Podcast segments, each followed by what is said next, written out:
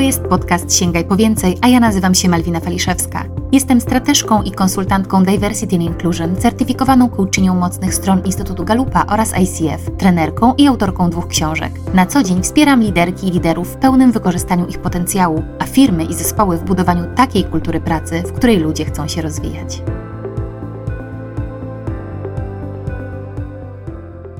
Dzień dobry, witam Was wszystkich w najnowszym odcinku podcastu. Dzisiaj moją gościnią jest Agata Rybarska, mentorka i coaching biznesowa, akredytowana przez dwie największe organizacje mentoringowo-coachingowe na świecie. Agata została niedawno wyróżniona w rankingu top 15 coachy w Warszawie 2023 oraz w rankingu Forbes Women znalazła się wśród 22 Polek, które warto obserwować w 2022 roku. Agata ma ponad 15-letnie doświadczenie liderskie, zdobywane w globalnych korporacjach, w marketingu, sprzedaży. Pracowała dla ponad 30 marek na siedmiu rynkach, więc no wow, świetny dorobek. A dzisiaj na co dzień pracuje z liderami i z liderkami w procesach mentoringu biznesowego. I ja z Agatą dzisiaj będę rozmawiała o takich dwóch wątkach. Pierwszy z nich to porzucenie świata korporacji na rzecz własnego biznesu, ale drugi temat to mentoring, w którym no, Agata tutaj bryluje i jest świetną ekspertką. Cześć Agata. Cześć Malwina, bardzo dziękuję za zaproszenie. Ja bardzo się cieszę, że przyjęłaś. Tutaj jesteśmy już, słuchajcie, po krótkim czacie wstępnym z Agatą i właśnie rozmawiałyśmy sobie o tym, jak zwykle przygotowujemy się do różnych rzeczy. No, Agata, jesteś perfekcjonistką, muszę przyznać. A ty jesteś świetna w improwizacjach i wiesz, w takim szybkim i efektywnym przygotowywaniu się. Tak, bo właśnie wymieniałyśmy sposoby tego, jak przygotowujemy się do rozmów. No Agata, bardzo mi jest miło Ciebie poznać. Ja już słyszałam Cię nieraz. Fajnie, że trafiłyśmy na siebie w różnych takich kontekstach, właśnie, że się poznałyśmy. Dziś widzimy się nieustannie na LinkedInach, na jakichś różnych przestrzeniach innych podcastach naszych wspólnych koleżanek, no i tym bardziej się cieszę, że jesteś tutaj. I myślę, że w pewnym sensie mamy trochę podobną historię, bo obie porzuciłyśmy świat korporacyjny na rzecz własnego biznesu, chociaż ty zrobiłaś to dużo wcześniej. I powiedz, co skłoniło cię do tej decyzji? Słuchaj, ja właśnie miałam ochotę na początek zapytać ciebie. Myślałam sobie, że mogłabyś odpowiedzieć dokładnie na to samo pytanie. No ale dobra, mogę zacząć ja. Właśnie. Wiesz co, ja bardzo lubiłam tempo korporacji. Ja mogę powiedzieć, że ja wciąż uważam, że to jest naprawdę, to jest miejsce, gdzie się bardzo dużo dzieje. Jest dostęp do wiedzy, do narzędzi, masz ten wpływ, czujesz tą akcję. ja to bardzo lubiłam. I jak w wieku 37 lat zostałam właśnie szefową kategorii w regionie na siedmiu rynkach, zarządzając wieloma markami, a w międzyczasie zresztą zostałam mamą trójki córek, no to ja żyłam w takim naprawdę tempie filmowym, tak można byłoby powiedzieć, globalni szefowie, prezentacje, konferencje, negocjacje i tak dalej. No ale muszę przyznać, że coraz bardziej pojawiały się takie okna refleksji, w których pojawiały mi się takie pytania, hmm, ale co tak naprawdę jest ważne? Czego ja chcę, a czego ja nie chcę. I ja mówię, kochałam swoją pracę, no ale jednak te refleksje jakoś mnie coraz bardziej nawiedzały i wychodziło mi z nich, że nadwyrężone mam dwa obszary. Po pierwsze to równowaga, no bo ja jednak głównie byłam w pracy, a po drugie to sens. No bo można powiedzieć, że w jakimś stopniu sensem w korporacji jest to, że osiągasz kolejne targety, adresujesz kolejne challenge i tak dalej, ale jeżeli nie ma w tym czegoś takiego głębszego, to powoli zaczyna ci brakować no czegoś, po prostu czegoś, bo zaczyna brakować sensu. Ja w ogóle nie wiem, czy kojarzysz Daniela Pinka, on mówi, jestem jego fanką, jeżeli on mówi o motywacji i on właśnie mówi o tym, że są trzy takie powiedzmy kategorie motywatorów. Pierwsza kategoria to jest rozwój, no i zwykle na początku motywuje cię bardzo mocno rozwój. Druga kategoria to jest wszystko to, co jest związane z autonomią. No wtedy, kiedy awansujesz, dostajesz jakiś swój kawałek biznesu, to to zwykle jest bardzo motywujące. No i trzecia kategoria to jest właśnie sens, czyli tak naprawdę po co to wszystko. Ja w tej kategorii się znalazłam, no i bezpośrednio wtedy akurat był taki czas, kiedy raz w roku zwykle wyjeżdżamy z moim mężem na taki wyjazd bez dzieci i pojechaliśmy na pustynię do Iranu.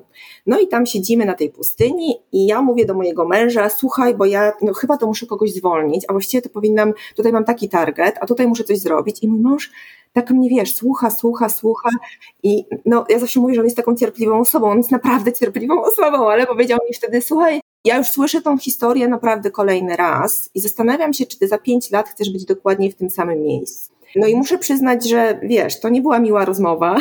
My się oczywiście pokłóciliśmy, ale to była taka rysa, to był taki moment, w którym ja sobie pomyślałam, no tak, no on ma rację, warto jest to przemyśleć.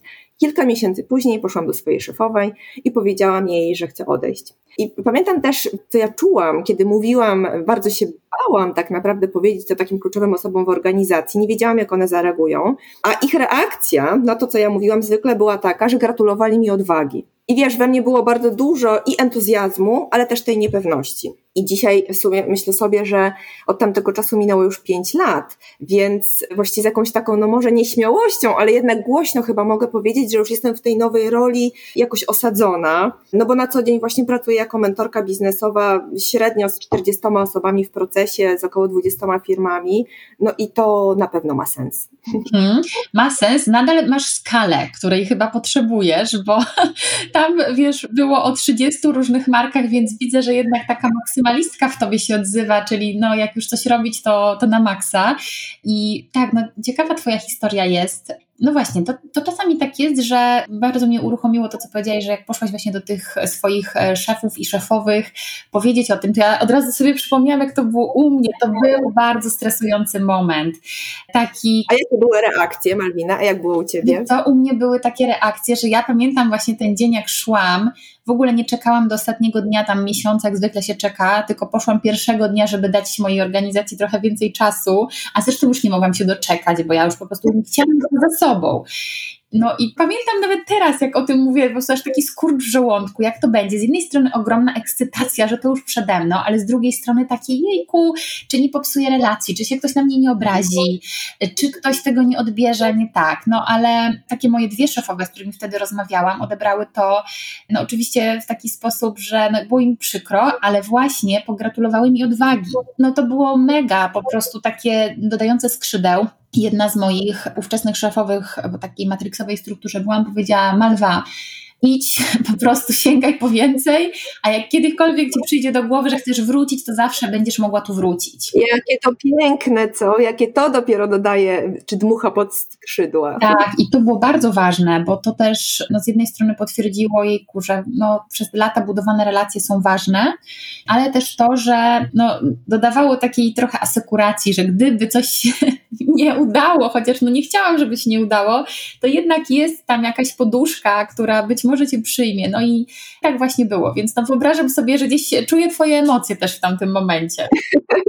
Ale to świetnie, że obie mamy o, o, tyle podobne doświadczenia, że raczej to było dmuchanie pod skrzydła, a nie negatywne reakcje. Tak, no dobra, no obie podjęłyśmy taką decyzję. Ty słyszę, że zmotywowana trochę takim poczuciem sensu i tym, tą rozmową pewnie z mężem, która gdzieś zostawiła jakiś ślad.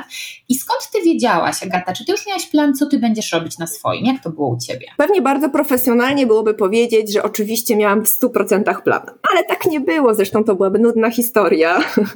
ja wiesz co, myślę sobie, nie wiem, czy ty się ze mną zgodzisz, ale ja myślę, że jeżeli, żeby wypracować swoją alternatywną ścieżkę, to potrzebna jest taka przestrzeń w głowie. A ja do końca byłam w tej pracy tak naprawdę na 100% i nie było takiej przestrzeni, przynajmniej ja jej nie czułam, żeby sobie tą alternatywną ścieżkę tak naprawdę dobrze przygotować. To, co wiedziałam na pewno, to, że chcę zmiany, no i też wiedziałam, co mi przynosiło największą satysfakcję, czyli praca z ludźmi, no i ten taki kontekst biznesowy. To były dwie rzeczy, które wiedziałam na pewno. Więc grube założenia były takie, żeby wykorzystać to, co ja umiem i robić więcej tego, co lubię. No i w sumie jak o tym myślę, to sobie myślę, że jak na osobę, która przygotowała bardzo dużo różnych, wiesz, strategii z Excelami, to brzmi trochę tak sobie, co? No ale tak w rzeczywistości to wyglądało tak, że pierwszy miesiąc to było rzucenie się we wszystkie te rzeczy, na które nigdy nie miałam czasu. Czyli wiesz, stos książek przy moim stoliczku nocnym już był tak duży, że obawiałam się, że w nocy się na mnie przewróci, więc nareszcie ten stosik zaczął trochę, coś zaczęło ubywać. Zapisałam się do szkoły trenerów, zapisałam się do szkoły coachingu, odsłuchałam, nie wiem, milion różnych webinarów, ale też odkrywałam takie rzeczy, że właściwie można pojechać na rower z dziećmi, jak jest jeszcze jasno na przykład. Mm -hmm. Więc to był taki czas, kiedy ja przez ten pierwszy miesiąc bardzo ładowałam akumulatory, ale też w tle działała już też taka inkubacja i taka otwartość na to, co rzeczywistość mi pokaże. I dość szybko zaczęły się pojawiać różne takie okazje biznesowe, zwłaszcza od takich osób, z którymi już wcześniej jakoś pracowałam w biznesie, więc ja wtedy na początku pomagałam pomagałam głównie zarządom takich powiedzmy średnich firm w uporządkowaniu różnych procesów w firmie, struktur, budowaniu strategii marketingowej czy strategii innowacji. Potem doszła jeszcze taka praca ze startupami w fazie komercjalizacji, a w międzyczasie budowałam to swoje doświadczenie mentoringowe i coachingowe, nabywałam kompetencji, weszłam na ścieżkę akredytacji. No i wiesz, mogę powiedzieć tak, że ja wierzę, że jak w tej zmianie stoi, czy staje na Twojej ścieżce jakaś nowa okazja biznesowa, czy jakiś nietypowy klient, to to się nie dzieje przez przypadek. Mhm. Więc zawsze warto jest to obejrzeć, zwłaszcza na tym początkowym etapie i zastanowić się, czy ja chcę to inkorporować w ten swój rozwój zawodowy. To, co mi pomaga, to być może to, to się też komuś tutaj przyda. Ja mam taką nawet, można by powiedzieć, zasadę u siebie w biznesie jako przedsiębiorczyni, że co kilka miesięcy robię sobie taką sesję retrospektywną, taką naprawdę kilkugodzinną, gdzie uczciwie odpowiadam sobie na pytanie, co ja wybieram dalej, a z czego rezygnuję. Czyli robię naprawdę przegląd. I teraz dzięki temu ja mniej więcej po roku doszłam do takiego punktu, którym już wiedziałam, co chcę robić. Więc zajęło mi to rok, nie wiedziałam tego od początku, ale no mogę powiedzieć, że po roku uznałam, że dobra, ja chcę pracować z mentoringiem, wspierać jeden na jeden i w programach mentoringowych i to jest to. Super. E, no, to też jest fajne, że mogłaś sobie też pozwolić i miałaś ten komfort, żeby jeszcze trochę się pozastanawiać, prawda? I trochę potestować. Tak myślę, że wiele osób, no właśnie, to, to jest takie pytanie. Jak ja powiedziałam też, że odchodzę, to bardzo wiele osób pytało, no dobrze, a co ty będziesz robić? Czy jak, na czym będzie twój biznes polegał? I ja miałam jakoś, na przykład u mnie to było tak, że ja miałam w głowie, jakie to będą obszary, ale też miałam taką furtkę, którą sobie dawałam, zobaczę też jak rynek na to zareaguje i jak mi w tym będzie, bo może być też tak, że wiesz, no ja mogłam mieć jakąś ideę, ale tak naprawdę potem się okazało, że na przykład jakiś jeden produkt moi klienci kupują jeszcze częściej ode mnie i nagle jeszcze w tym się bardziej rozwijam. Więc wydaje mi się, że jeżeli chodzi o moje założenia, to one są takie bardzo podobne, ale to też jest to, co mówisz, mi się bardzo podoba ta retrospektywa, którą ty robisz. Powiedz trochę więcej o tym, czy siadasz, sprawdzasz, nie wiem, satysfakcję, sprawdzasz przychody, sprawdzasz, co ty sprawdzasz, bo na pewno to interesuje słuchaczki. Wiesz co, tak, oczywiście już teraz mam te wszystkie Excele, muszę szczerze powiedzieć, więc oczywiście patrzę na różne streamy przychodów, tak, to jest jeden z elementów, ale też sprawdzam to nie tylko z perspektywy finansowej, sprawdzam to z perspektywy tego, co mi przynosi radość i co ja chcę robić, a czego ja nie chcę robić. Czyli sprawdzam na przykład, co zajmuje mi najwięcej czasu w przygotowaniu, co mnie najwięcej stresuje, co mi przynosi najwięcej fanu. To są takie rzeczy, powiedziałabym, no miękkie, ale de facto bardzo, bardzo ważne. Czyli zaczynam od tych rzeczy miękkich, Potem sprawdzam, jak to się ma do Excela i sprawdzam, jakby na ile ten kierunek mógłby być w porządku. Czasem mam też różne pytania i muszę powiedzieć, że ja często o tym, jak już sobie zrobię takie podsumowanie, to zwykle trwa ze dwie godziny. To jestem umówiona na sesję i na tej sesji przerabiam to tak naprawdę. Na sesji mentoringowej przerabiam to, omawiamy to, tak żebym ja wyszła z takim bardzo klarownym kierunkiem, co dalej. Czyli mentorka korzysta z mentoringu tak jest, wiesz, ja po prostu wiem, że to działa, więc, więc Ale sama super. też Rekomendacja, myślę, że to bardzo fajnie, że też o tym mówisz, bo czasami, nie wiem, niektórym się kojarzy, że nie wiem, jak skorzystam może z mentoringu, to znaczy, że ze mną jest coś nie tak, że może ja jestem za słaba, za słaby, żeby sam sobie poradzić. Tymczasem jest zupełnie inaczej, że to jest właśnie taka potrzeba też często, żeby odbić myśli. I wiesz co, jeszcze zanim przejdziemy do tego mentoringu, to słyszę, że zyskałaś poczucie sensu, a czy jest coś, co straciłaś? Czy jest coś, czego ci brakowało? Jak to było u ciebie po tym świecie właśnie corpo world? Wiesz co, no na pewno zyskałam ten sens, to na pewno. Z tą równowagą, no to muszę powiedzieć, że bywa różnie, bo ja się zawsze śmieję, że możesz odejść z korporacji, ale korporacja z ciebie nie wyjdzie, więc to jest trochę o tym, że tę równowagę to ja muszę o to wciąż bardzo dbać. Ale co ja jeszcze zyskałam? Wiesz co, zyskałam tak, inspirację i samorozwój, no bo ja spotykam się naprawdę z wieloma osobami, które są szalenie inspirujące. Zyskałam też, wiesz co, taką różnorodność ludzi i biznesów, no bo wiesz, to jest tak, że ja jednego dnia czasem mogę się spotkać tak, z liderką z branży medycznej w Polsce, e, z klientką czy szefową dużej sieci detalicznej w Czechach, tam e, jednego dnia pamiętam, kiedyś też tak miałam, że była dodatkowo jeszcze klientka z branży zielonej energii w Bostonie i na końcu szef regionu z Dubaju.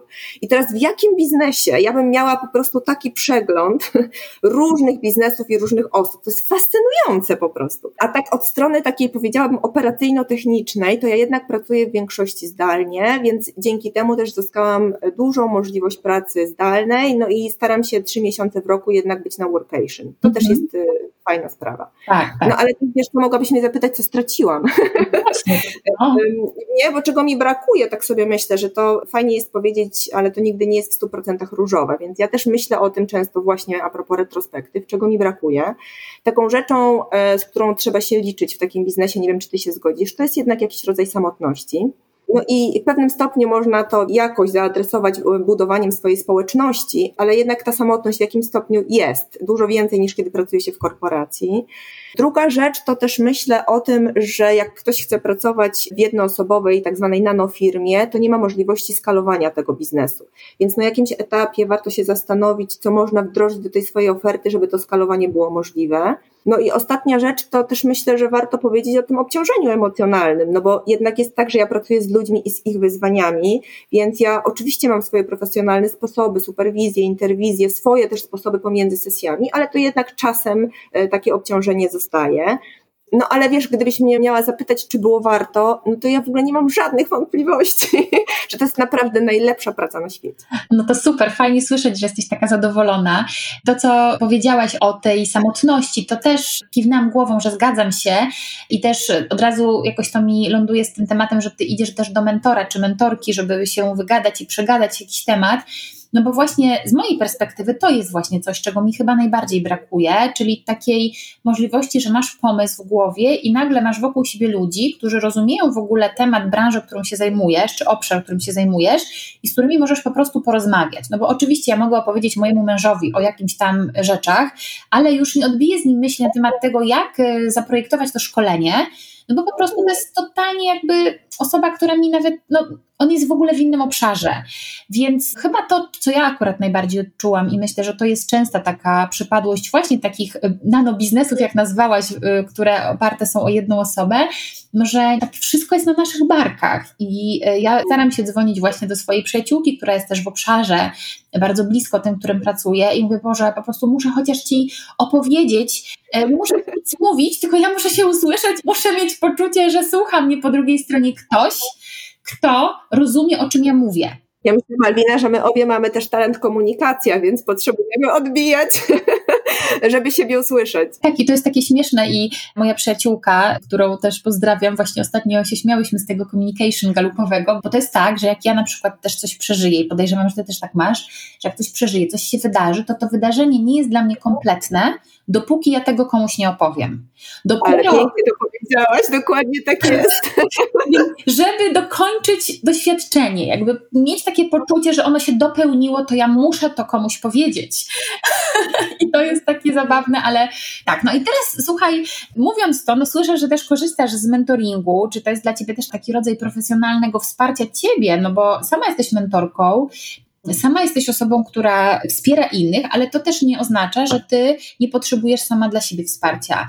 No i właśnie, jak to jest być mentorką? Trochę już powiedziałaś. W czym w ogóle mentoring pomaga klientom? Wiesz co, może powiem, z czym klienci do mnie przychodzą najczęściej. Tak na case'ach myślę, że może być po prostu najbardziej konkretnie. Zwykle to bywa tak, że pierwszy rodzaj case'ów to jest wtedy, kiedy ktoś albo wchodzi w nową rolę, albo do tej nowej roli się przygotowuje. Czy właśnie awansował i ma duży zespół, czy wchodzi w jakąś rolę do zarządu, albo wchodzi w rolę regionalną, no i chce tak bezpieczniej, szybciej w to wejść, szybko zbudować autorytet, wyznaczyć priorytety i zacząć działać. To jest pierwszy rodzaj tematów, z którymi ja najczęściej pracuję.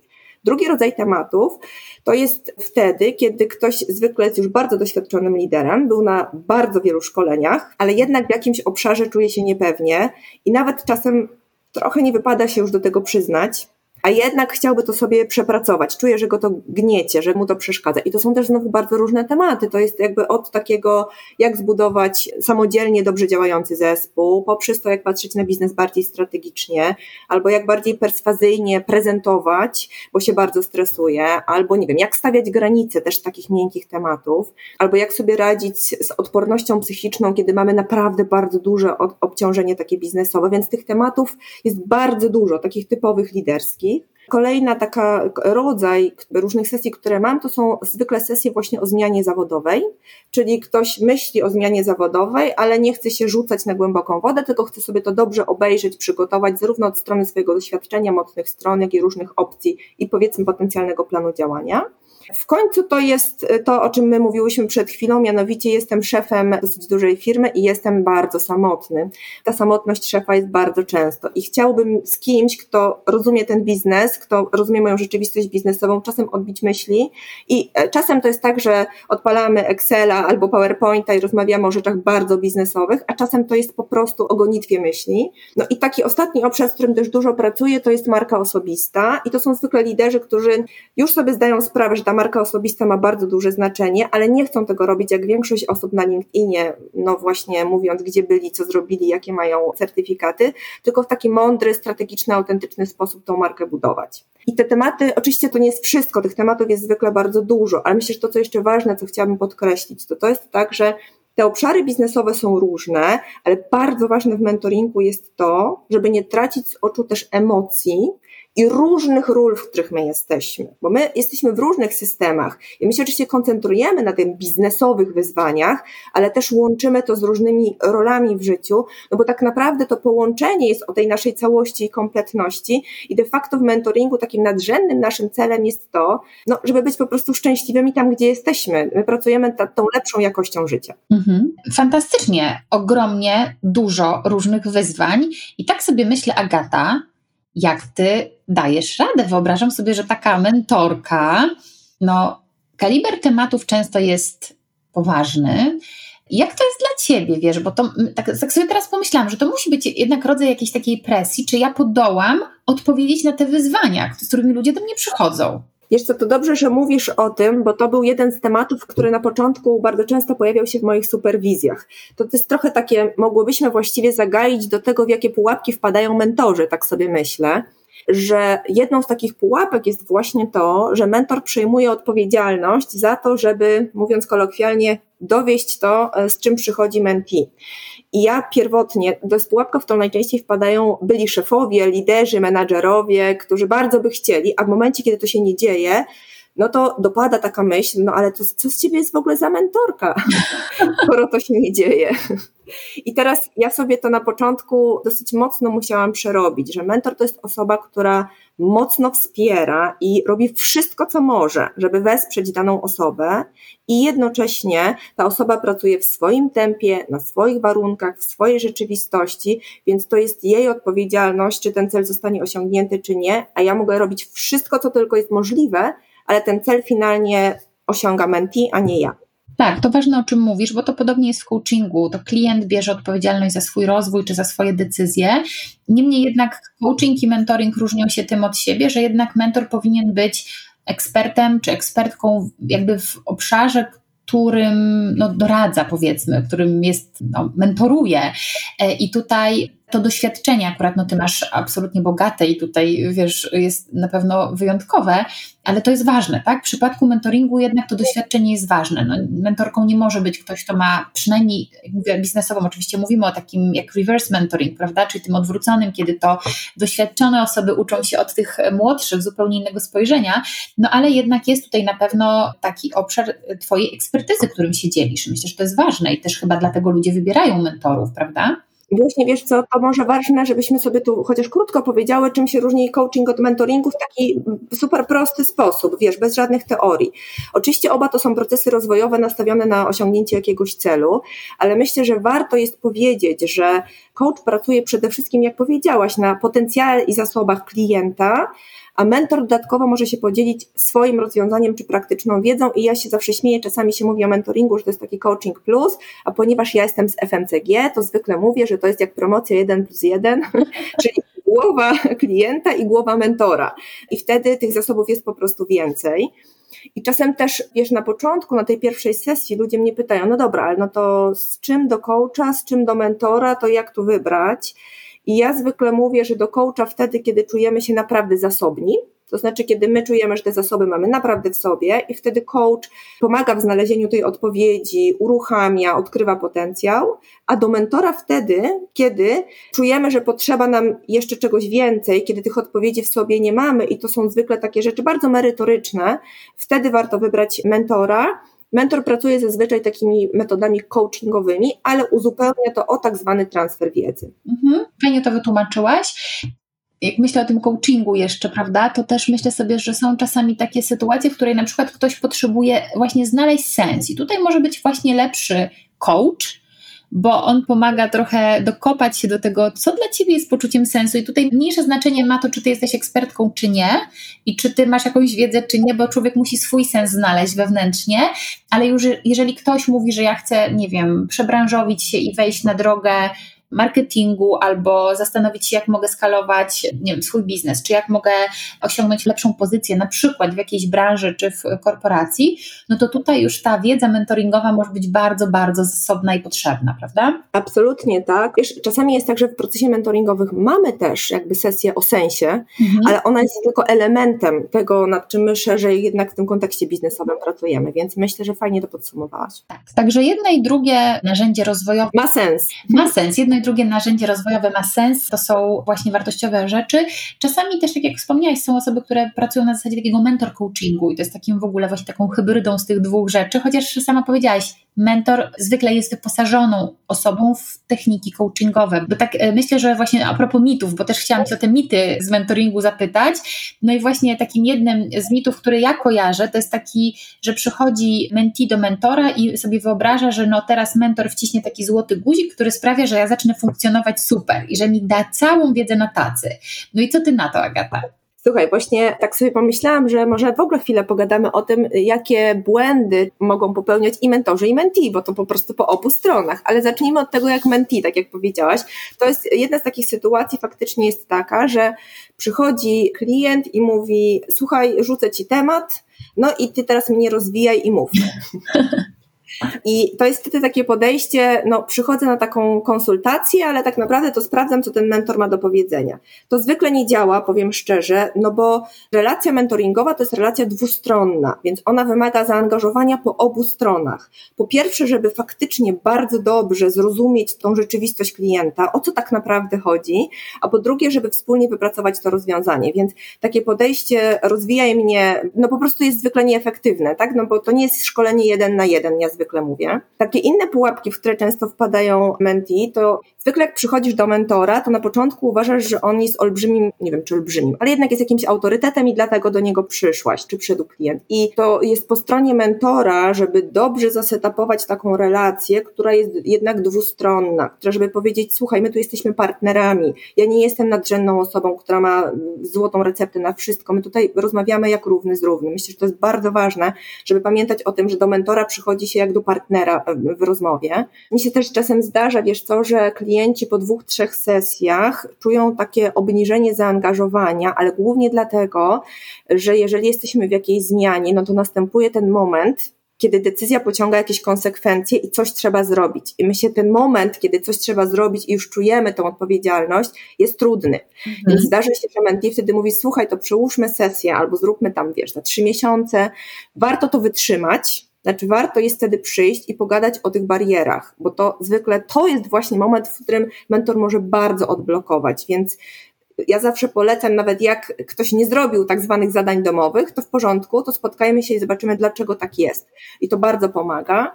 No i jeszcze jest jedna e, taka sytuacja, w której myślę, że to jest tak, ja dużo pracuję z korporacjami, z liderami w korporacji, więc czasem się zdarza, że ktoś zostaje zesłany na mentoring i przychodzi na taki, wiesz, program naprawczy, ale on tak naprawdę nie ma chęci zmiany. Chęć zmiany jest po stronie organizacji. Jeżeli nie ma w mentoringu chęci zmiany, no to muszę powiedzieć wprost, że to zwykle nie działa. To jest tak, że musi być jakaś motywacja do zmiany wewnętrzna i wtedy to działa najlepiej.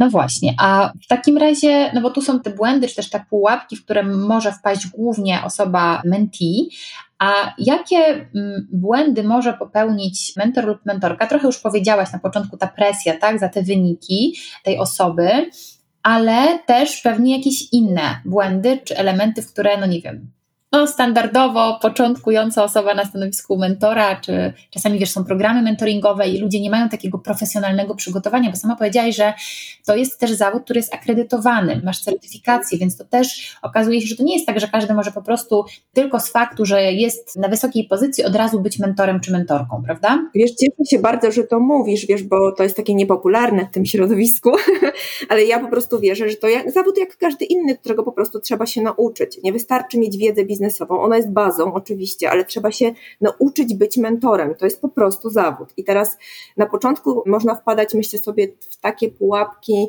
jeśli ktoś był bardzo długo szefem, zwłaszcza takim z wyższego poziomu, no to czasem jest tak, że przychodzi na sesję i ma taką postawę, słuchaj, spijaj słowa z moich ust, bo ja naprawdę mam bardzo duże doświadczenie, więc słuchaj mnie. I teraz to bardzo warto pamiętać, że w mentoringu fokus jest na mentee, fokus jest na klienta. I to tak naprawdę jego cel, jego rozwój jest najważniejszy, a nie to, że ja chcę usłyszeć swój głos. Mhm. Więc to jest jakby jedna rzecz. Myślę sobie, że no warto byłoby od takiego mentora, który głównie mówi, a nie słucha, jednak uciekać, gdzie pieprz rośnie. To jest jedna rzecz. Druga rzecz, która się trochę z tym wiąże, to jest taki błąd, nazwałabym go, wiesz, zrób tak jak ja, albo najlepiej w ogóle bądź tak jak ja, bo mi się to udało w ten sposób. I tu z kolei bym powiedziała, tu warto widzieć tą różnicę między moją mapą, której się składają moje doświadczenia, moje przekonania, moje wartości, czasem też mój stan fizyczny na sesji, a mapą mentee. Ja tego bardzo staram się pilnować, to znaczy, żeby oglądać sobie tą mapę i jeżeli nawet ja proponuję jakieś rozwiązanie, to to rozwiązanie ma pasować do mapy mentee, a nie wpasowuje problemu mentee do mojej mapy. Więc ten taki fokus na to, żeby naprawdę być w rzeczywistości mentee jest bardzo ważny. No i trzecia pułapka jeszcze, myślę, wiesz co, to o tym kontekście, o którym już wspomniałam. To znaczy, czasem się zdarza też z ludźmi z biznesu, słuchaj, porozmawiajmy o biznesie, wszystkie inne sprawy na bok. No to jest trochę tak, że my nie funkcjonujemy tylko w biznesie, my funkcjonujemy w jakimś kontekście, więc tym się różni między innymi mentor od szefa, że mentor może wziąć pod uwagę ten szerszy kontekst. My się oczywiście skupiamy na celu biznesowym, w mentoringu biznesowym, ale jednak oglądamy czasami jakieś emocje, czasami jakieś ważne rzeczy spoza spoza biznesu i bierzemy pod uwagę tą taką mnogość systemów, w których my jesteśmy. I dzięki temu zwykle to jest po prostu bardziej skuteczne. Tak, myślę, że to jest w ogóle bardzo ważne, bo no, nasze decyzje biznesowe są osadzone w naszych systemach życiowych, prawda? Zupełnie inaczej możemy funkcjonować będąc w związku, zupełnie inaczej będąc osobą samodzielną, tak? Singlem, singielką, no bo też no, to też wymaga różnych innych rzeczy i to nie o to chodzi, że coś wolno albo nie wolno, tylko bardziej, żeby sobie ta osoba zdecydowała, jakie konsekwencje na przykład na moją relację, nie wiem, na moją rodzinę, na moje dzieci, czy też na różne inne elementy będzie miała ta decyzja w moim życiu, będzie miała wpływ. Więc tak o tym myślę i to super jest i super, że też o tym mówisz. Szefa czy szefową w pracy interesuje przede wszystkim, okay, jakie przyniesiesz wyniki na koniec dnia. A tutaj fajnie, że możemy trochę zajrzeć głębiej i też tej osobie poodkrywać ten świat.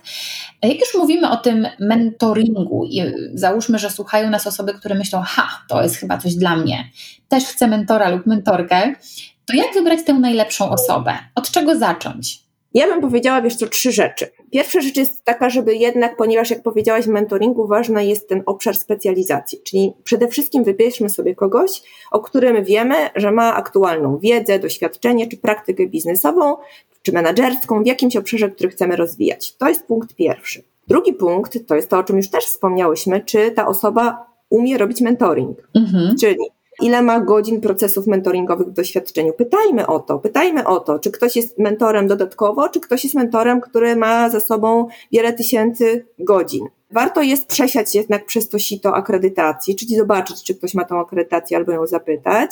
No i myślę, że zawsze takim dobrym kryterium jest to też, czy ktoś ma rekomendacje od klientów. To jest zawsze takie najbardziej prawdziwe.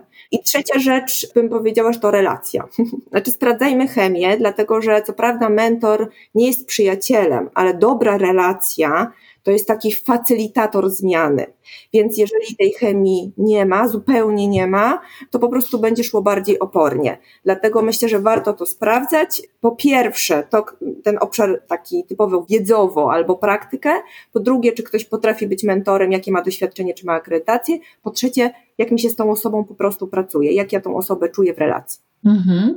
Super, bardzo praktyczne porady. Myślę, że tak, już wiemy, co mentor, mentorka robi, z jakimi tematami, jak wybrać tę najlepszą osobę, w jakie pułapki nie wpaść. To tak na koniec, Agata, mogłybyśmy oczywiście pewnie długo rozmawiać, ale podsumowując też, myślę, te dwa wątki trochę, czyli tę zmianę, być może słuchają nas osoby, które myślą o jakiejś właśnie zmianie zawodowej, to Jakie rady Ty byś dała, jeżeli ktoś przechodzi właśnie przez zmianę, Dodając oczywiście jeszcze ten wątek z mojej działki, czyli sięgania po więcej, to co ty byś poleciła, żeby właśnie sięgnąć po więcej, po takie swoje i też przetrwać zmianę, która często jest trudna?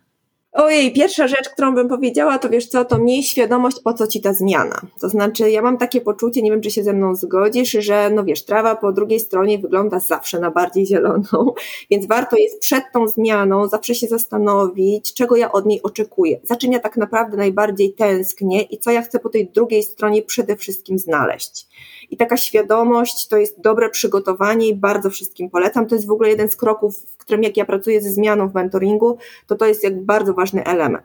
Druga rzecz, już taka trochę bardziej praktyczna, to żeby szukać tej alternatywy zawodowej z wykorzystaniem tego, co my już umiemy. Bo czasami przychodzą do mnie ludzie, którzy mówią sobie, mam tak dosyć już tej korporacji, że ja naprawdę, no kompletnie coś innego. Ja teraz będę naprawdę szydełkować i teraz to jest zwykle ten pierwszy moment, ale wtedy zaczynamy zupełnie od nowa, więc ja zwykle bardzo, tak jakby staram się kotwiczyć takie pytanie, a co z poprzedniego swojego życia możesz wykorzystać i to nie tylko jeśli chodzi o doświadczenie, ale też sposobów działania, czy networkingu, czyli weźmy tyle, ile się da, z tego mojego poprzedniego życia. Trzecia rzecz to jest ta odwaga, od której zaczęłyśmy. Znaczy, warto jest wiedzieć, że nigdy na 100% nie będziemy gotowi. Więc ten element odwagi jest bardzo ważny, żeby ruszyć z miejsca. Myślę, że jeszcze z tej mojej praktyki i, i, retrospektywy, to warto jest się przyglądać szansom, które przynosi rzeczywistość i świadomie optymalizować to, co się robi, tak naprawdę systematycznie. No i na koniec mi przychodzi do głowy, wiesz co, że sztuka bycia mądrym polega na tym, żeby wiedzieć, co pomijać, więc e, jeżeli chcemy dojść naprawdę do takiego miejsca, w którym robimy to, na czym nam zależy i co nam przynosi najwięcej satysfakcji i sensu, to odrzucajmy to, co się pojawia po drodze bardzo świadomie. Jest trudne tak czasami odrzucić, bo myślę sobie, że czasami się po prostu boimy zrezygnować z czegoś, bo na przykład coś innego nie przyjdzie.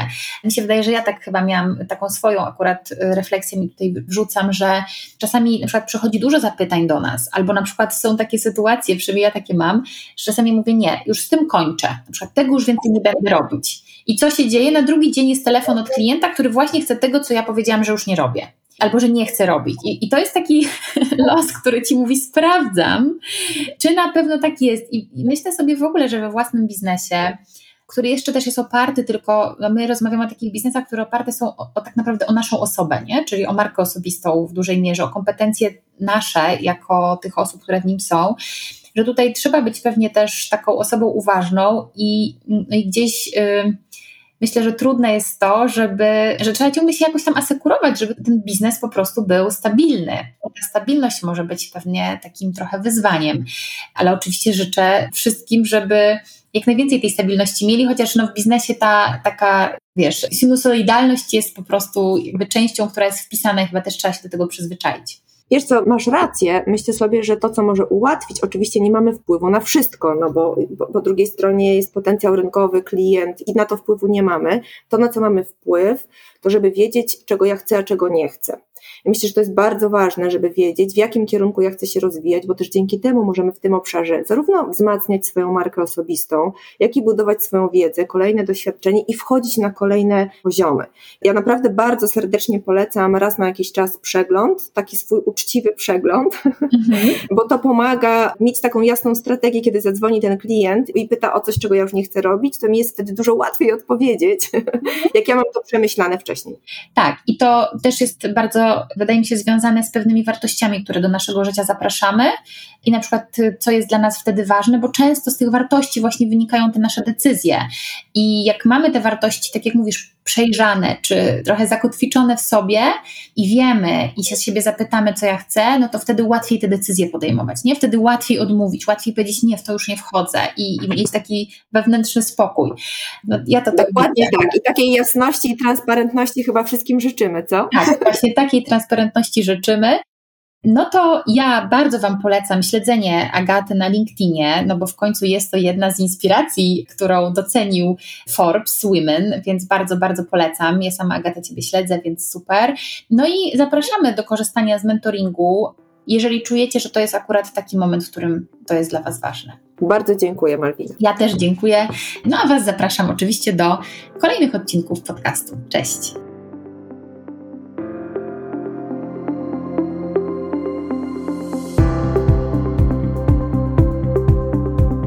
Jeśli podobał Ci się ten odcinek, udostępnij go znajomym. Podziel się komentarzem na LinkedIn, Instagramie lub Facebooku i włącz się do dyskusji w temacie tej rozmowy. Zasubskrybuj mój kanał, aby być na bieżąco z najnowszymi odcinkami. I powodzenia w Twoim sięganiu po więcej.